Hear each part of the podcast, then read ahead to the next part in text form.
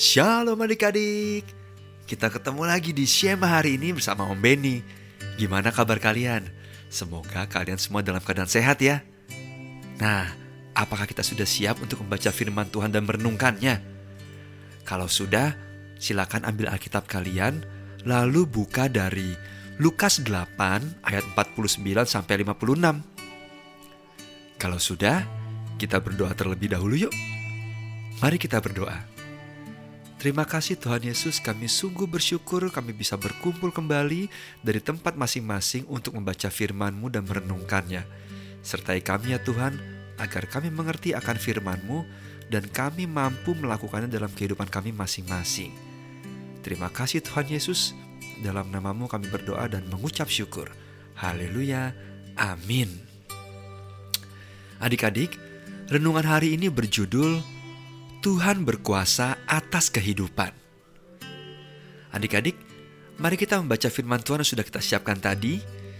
Firman Tuhan diambil dari Lukas 8 ayat 49 sampai 56. Demikianlah firman Tuhan. Ketika Yesus masih berbicara, datanglah seorang dari keluarga kepala rumah ibadat itu dan berkata, "Anakmu sudah mati." Jangan lagi engkau menyusah-nyusahkan guru. Tetapi Yesus mendengarnya dan berkata kepada Yairus, Jangan takut, percaya saja dan anakmu akan selamat. Setibanya di rumah Yairus, Yesus tidak memperbolehkan seorang pun ikut masuk dengan dia kecuali Petrus, Yohanes, dan Yakobus dan ayah anak itu serta ibunya.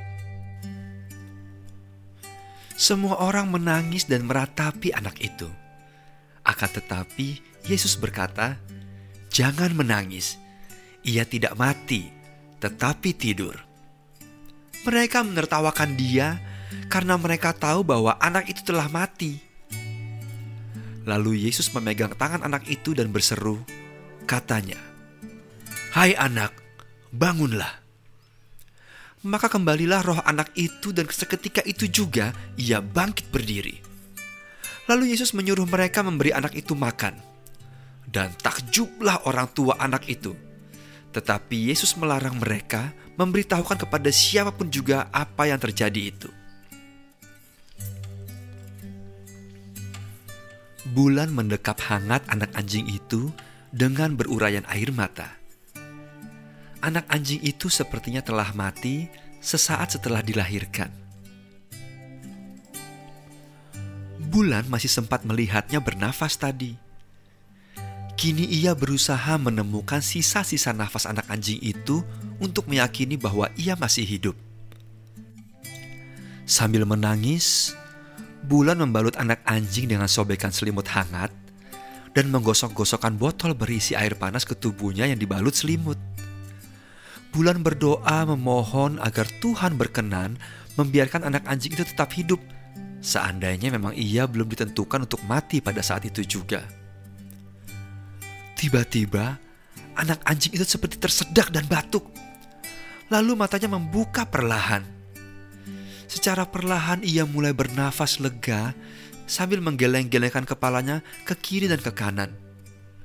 Bulan sangat gembira melihat anak anjing itu ternyata hidup ia bersyukur kepada Tuhan dan dengan riang berdoa melalui nyanyian serta berputar-putar sambil menggendong anak anjing itu. Secara khusus, Bulan mendapat pelajaran bahwa kasih Tuhan yang penuh kuasa membawa kehidupan bagi yang diperkenan pada Tuhan. Bulan sangat bersyukur atas pengalamannya yang menambahkan imannya kepada Tuhan yang sangat berkuasa. Sahabat Yesus, ayo kita ucapkan kata-kata ini. Aku hanya akan berharap kepada Tuhan yang Maha Kuasa.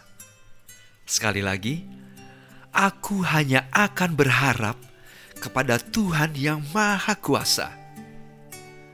Mari kita berdoa.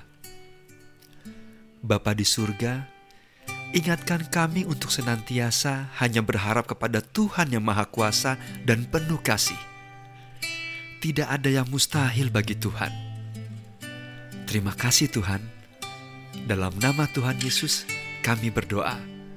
Amin. Ya adik-adik, demikianlah pembacaan firman Tuhan dan renungan kita hari ini. Wah, Tuhan Yesus luar biasa ya. Tak ada yang mustahil bagi dia. Kita makin percayakan sama Tuhan kita yang sungguh luar biasa.